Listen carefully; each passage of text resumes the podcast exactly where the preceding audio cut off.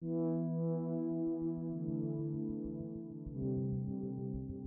kan huske at jeg tenkte Hva skjer? Hvordan skal det her gå? Og jeg var ganske ung. Jeg var syv-åtte år. Eh, så jeg opplevde et veldig sånn stort fall, da. Både sosialt, og jeg ble jo isolert. Vold i nære relasjoner er et stort helseproblem og kan kalles for en global pandemi. Likevel snakkes det ikke nok om. I denne podkasten vil jeg fortelle historier om partnervold gjennom åtte anonymiserte menneskers erfaringer. Jeg har selv jobbet med denne tematikken i mange år gjennom å undersøke min egen familiehistorie og gjennom mitt arbeid som journalist. Og det er viktig for meg at vi vet hva vi snakker om når vi snakker om vold. Hva som er vold, hvor vanlig volden er, hvor lenge den sitter i, og at det er mange der ute som vil hjelpe. Dette er en podkast om vold og overlevelse. Mitt navn er Madeleine Schultz. En kort advarsel. Noen av beskrivelsene kan være vanskelig å lytte til. Vi har unnlatt å ta med de groveste fysiske voldsbeskrivelsene i denne podkasten, men de historiene vi skal fortelle, handler om flere former for vold. Traumer av vold kan prege generasjoner i en familie og i et samfunn. I denne episoden skal dere få treffe Ronja Katrin Larsen. Mammaen hennes begikk selvmord etter at hun hadde blitt utsatt for seksuell vold i barndommen. Jeg skal også snakke mer med dem som behandler voldsutøverne. Hvem er de som slår og krenker sin egen familie? Ved å forstå mer av hva som gjør noen til utøvere, så kan vi kanskje komme nærmere og forebygge volden. Vi starter med en innsjekk med psykologspesialist Kari Lossius. Vold i nære relasjoner er vel sannsynligvis noe av det mest skadelige volden som fins. Eh, og den, det, det, som gjør den så ekstremt eh, traumatiserende, det er at det er de du er glad i, eller de du er avhengig av, eh, det er de som utsetter deg for denne volden. Eh, sånn at Det gjør at uh, altså det, det, er bedre å bli slått ned av en tilfeldig på gata, for å si det sånn. For da har du liksom et fiendebilde og si at han gjorde dette mot meg, og det var helt forferdelig.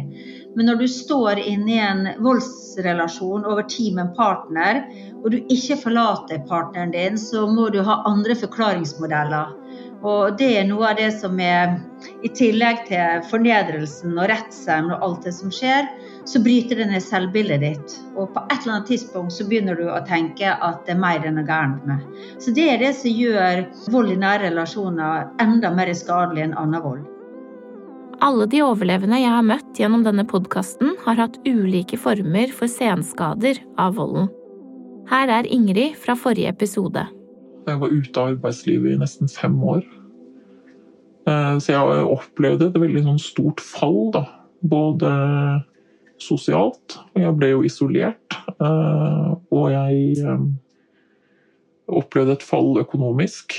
Og eh, et slags sånn, jeg vet ikke, jeg ikke det blir kanskje feil å si statusfall, men på en måte. For jeg mista egentlig Jeg mista karriere. Jeg mista muligheten til å være Jeg hadde ikke overskudd til å være sosial og treffe venner, og jeg, jeg klarte ikke å liksom snakke om helt vanlige ting.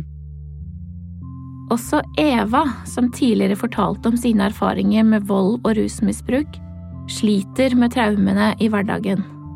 Synes jeg det har vært veldig slitsomt i tillegg, for det har ikke bare vært at jeg ikke forstår Det er akkurat som hjernen har avlært seg å sove. Så er det noe med at kroppen ligger sånn, sånn der, jeg klarer ikke slappe av i kroppen.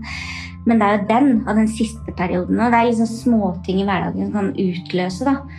Og da jobber den altså jeg, Om morgenen så er jeg mer sliten da enn jeg på kvelden før jeg legger meg, for da har jeg prøvd å se én eller to timer på TV-en for å liksom koble ut. Men uh, det har ødelagt mye.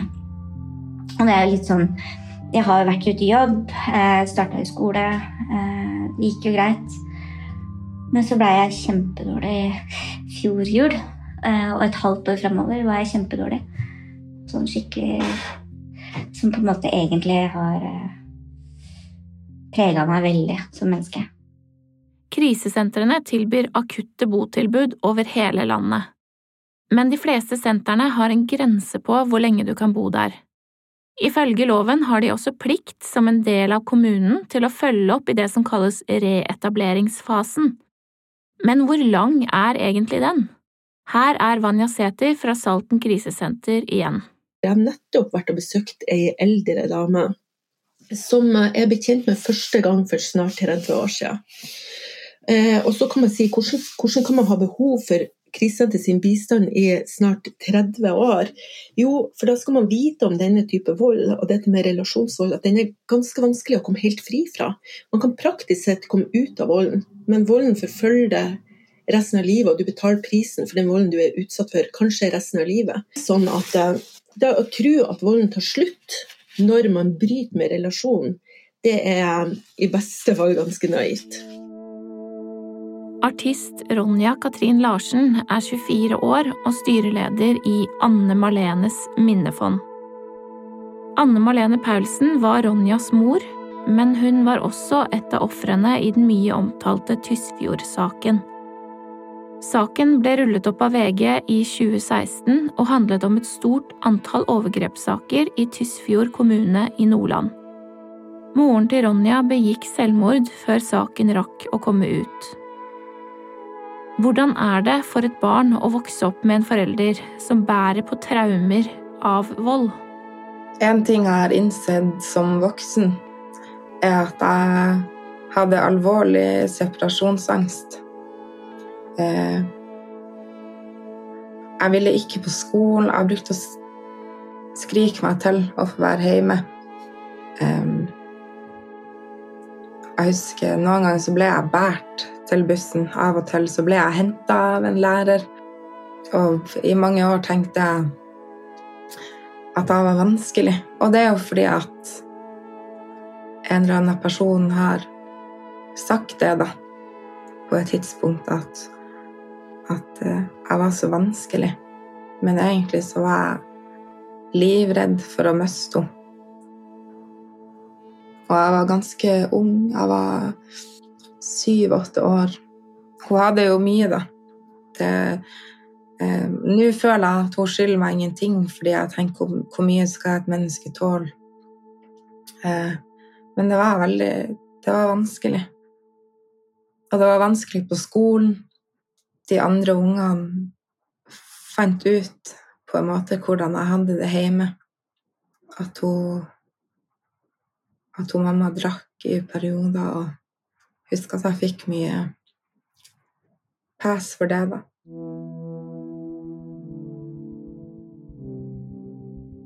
Vold kan ta flere forskjellige former, som også kan gå over i hverandre.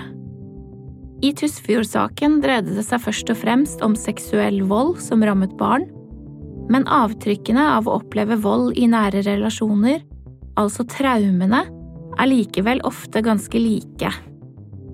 Ronja har brukt mye tid på å forsøke å forstå det som skjedde med moren sin, og hvordan traumene hennes har påvirket Ronja igjen. Man kan jo tenke at eh, det var jo veldig spesielt, det som har skjedd i, i Tysfjord. Det ble avdekt over 150 overgrepssaker fra 1950-tallet og frem til november 2017 i en kommune med 2000 innbyggere. Det er ekstremt. Og på en måte kan man si at det er jo ikke unikt. Det skjer jo over hele landet. Men kanskje det som jeg har plukka opp hjemmefra, er den solidariteten, om man kan kalle det, mellom eh, de som bor på bygda. Og veldig mange er i, i nær slekt og fjern slekt, og alle kjenner alle. Og, men eh, det har vært en, en tiekultur, og det har vært vanlig å fikse det internt. F.eks. at man kan be om tilgivelse og ber man, så får man. Og jeg tenker at du har ett eh, barn som har blitt misbrukt over lang tid, og det skaper jo, det skaper jo nye koblinger i hjernen din. Og kanskje når man blir eldre, at, at man ikke faktisk klarer å skjønne hvor skadelig det er. Og at eh, jeg tenker at eh, hos mange er det jo på en måte noe som går i arv. Den samiske befolkningen i Norge er mer utsatt for vold i nære relasjoner enn befolkningen for øvrig. Det viser den lille forskningen vi har. Vi vet også at dette er en gruppe som tidligere har vært utsatt for krenkelser fra staten. Så når de opplever vold innad i eget samfunn, hvem skal de be om hjelp fra? Vi har jo på en måte eh, ikke hatt noe tillit til de etatene som egentlig skulle hjelpe oss. Og det har jo absolutt eh, alt å gjøre med fornorskninga, tenker jeg i hvert fall. Det er en veldig stor jobb som må gjøres nå. Den stortingsoppnevnte Sannhets- og forsoningskommisjonen har fått i oppdrag å bl.a. se på hvordan voldens erfaringer har preget den samiske befolkningen. Om et år skal en rapport legges fram. Forsker Margunn Bjørnholt har akkurat startet med et prosjekt hvor de skal se på forekomsten av vold blant den samiske befolkningen. Det har jo vist seg eh, at eh, personer med samisk bakgrunn at det er en høyere forekomst. Og i de områdene hvor det er personer med samisk og ikke-samisk bakgrunn, at eh, det er en forskjell mellom de med samisk og ikke-samisk bakgrunn. At de er mer utsatt for vold og overgrep. Men vi har jo ikke store sammenlignende studier mellom den majoritetsnorske og samiske befolkningen, så man kan slå fast med to tykke streker under at det er sånn, vil jeg si. Det kan hende noen ikke er enig med meg i det, men eh, det kan se ut til da, at det er høyere forekomst av vold i grupper eller personer som har samisk bakgrunn. Og det ligner jo det man finner i andre land, at eh, personer med urfolksbakgrunn er mer utsatt. Eh, nå skal hun ikke si at vi automatisk kan overføre eh, funn fra eh, urfolk i andre land til Norge, fordi at f.eks. For forholdet til myndighetene, tilliten til eh, tjenestene er, er, høyere i Norge, og den samiske befolkningen i Norge er nok i en annen situasjon enn urfolk i en del andre land. Selv om det, er, det er veldig mye som også er felles, og det er jo den historiske bakgrunnen med kolonisering, angrep på den egne kulturen og identiteten. Eh, mange felles trekk som en kan jo tenke seg da, har sammenheng også med De kan nedfelle seg i, i de måtene man er sammen på. I parforhold og i familien og i nære relasjoner. Og selv om Ronja Katrin mener at den interne tiekulturen var vesentlig for det som fikk skje i Tysfjord, så mener hun også at det er noe annet som er minst like viktig. Storsamfunnet må også velge å se. For min egen del har jeg tenkt masse, jeg har kjempemasse sint og tenkt hvorfor var det ingen som sa noe, hvorfor var det ingen som gjorde noe? Det er jo folk fra Tysfjord som har prøvd å få høyere instanser involvert i det her. Men eh, likevel har det skjedd veldig, veldig lite. Og selv om det har eh, blitt satt i gang tiltak etter at Tysøsaken kom ut, så sier folk til meg at de har sett veldig lite av det. Og det har blitt eh, Noen har gitt sitt løfte om at de skal hjelpe, men likevel er det så mange som sier at hvor er hjelpa? Jeg finner den ikke, jeg ser den ikke, den kommer ikke til meg. Man tror det jo nesten ikke før man får se det. Det er det jeg tenker også med resten av altså samfunnet der, da. At uh, her har det vært folk som har uh, makt, som har valgt å ikke se. Og nettopp det, hvordan omverdenen forholder seg til mennesker som har vært utsatt for vold, det har også forsker Siri Thoresen sett litt på. Jeg tenker at den, Det temaet vi snakker om her, det handler om individet og grupper som har vært utsatt for vold, men det handler også om samfunnet vårt. Og hvordan samfunnet, hvordan vi forholder oss til andre som har vært utsatt for negative ting. Og det kan hende at uh, det er noe i oss som gjør at vi har lett for å se ned på folk som har den type erfaringer. Uh, og da må man tilpasse seg det.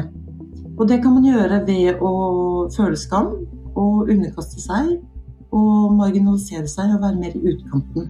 Og det er en skummel prosess som gjør deg veldig sårbar. det vi har sett med stor forskrekkelse egentlig fra vår forskning, er hvor ensomme de er, de som har vært utsatt for vold i barndom.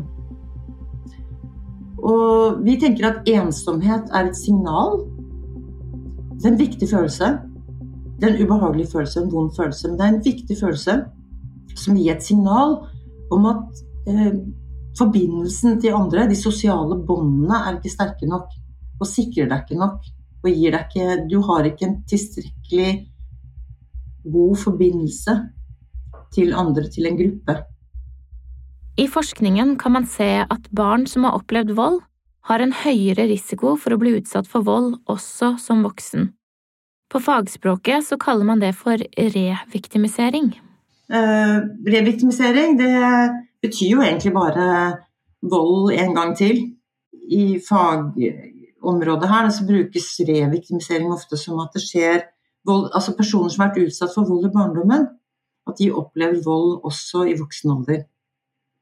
Uh, og det er en viktig ting, for det, hvis vi tenker at vi skal hjelpe disse barna, så har jo de som hjelper de barna, de har jo mye å gjøre med å forholde seg til den volden som har foregått. Men det er jo utrolig viktig at de som er ansatt for å hjelpe barn, at de også tenker fremover. Og at de tenker det å bygge sikkerhet rundt det barnet også i fremtiden. Yvonne Fondenes, som vi hørte fra i forrige episode, er opptatt av at voksne som bærer på voldstraumer fra barndommen sin, må ta tak i disse. Og ikke bare for egen del. Vi er veldig mange voksne i dette samfunnet som bærer på egne traumer. Det er ganske mange av oss. Um, og jeg mener at mange flere av oss må tørre å søke hjelp, selv om du på en måte tror at du håndterer det. For Eh, da kan du være mye bedre foreldre for dine egne barn. For hvis du går rundt livet ditt altså Det er noe med å bryte den sirkelen. Og Hvis du går og bærer på egne traumer, eller du har sånne triggere eller eh, voldsomme reaksjoner, eller et eller annet som gjør at du ikke er helt i balanse, da, så, så kan du så lett på en måte overføre det til barna dine, eller gjøre at barna dine blir preget av dine egne traumer. Skal vi få bukt med volden i samfunnet vårt, så må vi kanskje også forstå hvor den kommer fra.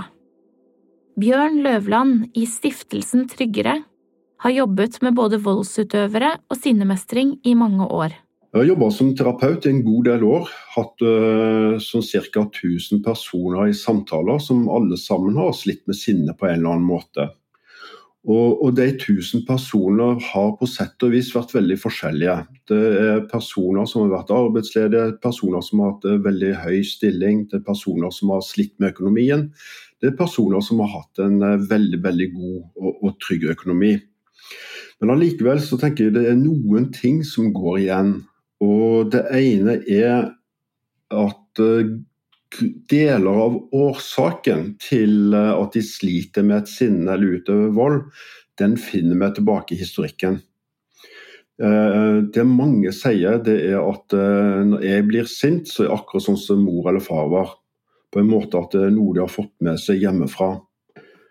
Og eh, Forskningen viser jo at eh, mange av de som oppsøker f.eks. alternativ til vold, altså menn som oppsøker alternativ til vold, som har, som har utøvd vold mot eh, nåværende samlivspartner, selv har vært utsatt for vold en eller annen gang i barndommen sin. Det er vel noe sånn som over 60% som har vært utsatt for fysisk vold. 50% har vært eh, utsatt for eh, psykisk eh, vold eller andre former for psykisk mishandling. Og 5% har vært utsatt for seksuell vold. Og Hvis en sammenligner de tallene med normalpopulasjon blant norske gutter og menn, så er det skyhøyt. Og så er det ikke sånn at har en vært utsatt for vold i barndommen, så kommer en til å utøve vold som voksen. Men det er eh, allikevel en, en, risikofaktor for å utøve vold som, som, voksen. Jeg husker en av, mine første, eller en av de første personene jeg hadde i samtale, var en uh, mann. Han var, bodde alene med to gutter. Guttene var husker ikke om jeg var tre og fem år, sånn cirka der. Og, og far satt uh, i sofaen også på fotballkamp og var veldig fotballengasjert. da. Eh, og så var det favorittlaget hans som spilte, og så tapte favorittlaget, eller dommeren dømte feil, eller noe sånt. Så far ble kraftig irritert og slo i bordet. Og Det skjedde flere ganger. Og far tok kontakt med oss når han la merke til at sønnene begynte å reagere på samme måte. De smalt med døra, de slo i bordet, de kunne kaste ting. Og da så far at hans sinne uh, hadde gått for langt. Barna hadde begynt å ta etter han. Barn blir preget av å være vitner til vold. Mange av Bjørns pasienter har disse erfaringene. Likevel frikjenner ikke ens egne traumer handlingene en utsetter andre for. Og akkurat det mener Bjørn Løvland er en viktig nøkkel for endring hos hans pasienter. Mm, et begrep som er viktig når det gjelder vold, og det er ansvar. De har veldig ofte store vansker med å ta det hele ansvaret for det de sjøl har gjort. De legger hele eller deler av ansvaret over på, på andre. Sånn at det, det, må komme dit at de må skjønne det at jeg er ansvarlig for mine egne følelser og mine egne handlinger. Og når de får tak i den ansvarsbevisstheten der, så tenker jeg at ja, det er vesentlig for å få til endring. Like viktig som å spørre hvor volden kommer fra, er det å stille spørsmålene hva kan vi gjøre, og hvem skal gjøre det? I neste og siste episode skal jeg prøve å finne svar på akkurat det. Er du utsatt for, eller kjenner du noen som er utsatt for vold i nære relasjoner? Sjekk ut dinutvei.no, ring ditt kommunale krisesenter eller VO-linjen på 116 006. Denne podkasten er produsert eksklusivt av Filt for Psykologisk institutt ved Universitetet i Oslo og Norske kvinners sanitetsforening. Research, manus og klipp ved meg, Madeleine Schultz. Produsent er Anne Gerd Grimsby Haarr, og koprodusent er Ida Palin Bostadløkken. Prosjektledere hos UiO er Joyce Antonia Oyokoyo og Beate Seibt, som også er ansvarlig utgiver. Takk til alle kilder som har delt sine historier, og fagpersoner for å bidra med sin kunnskap. Podkasten er støttet av Stiftelsen DAM.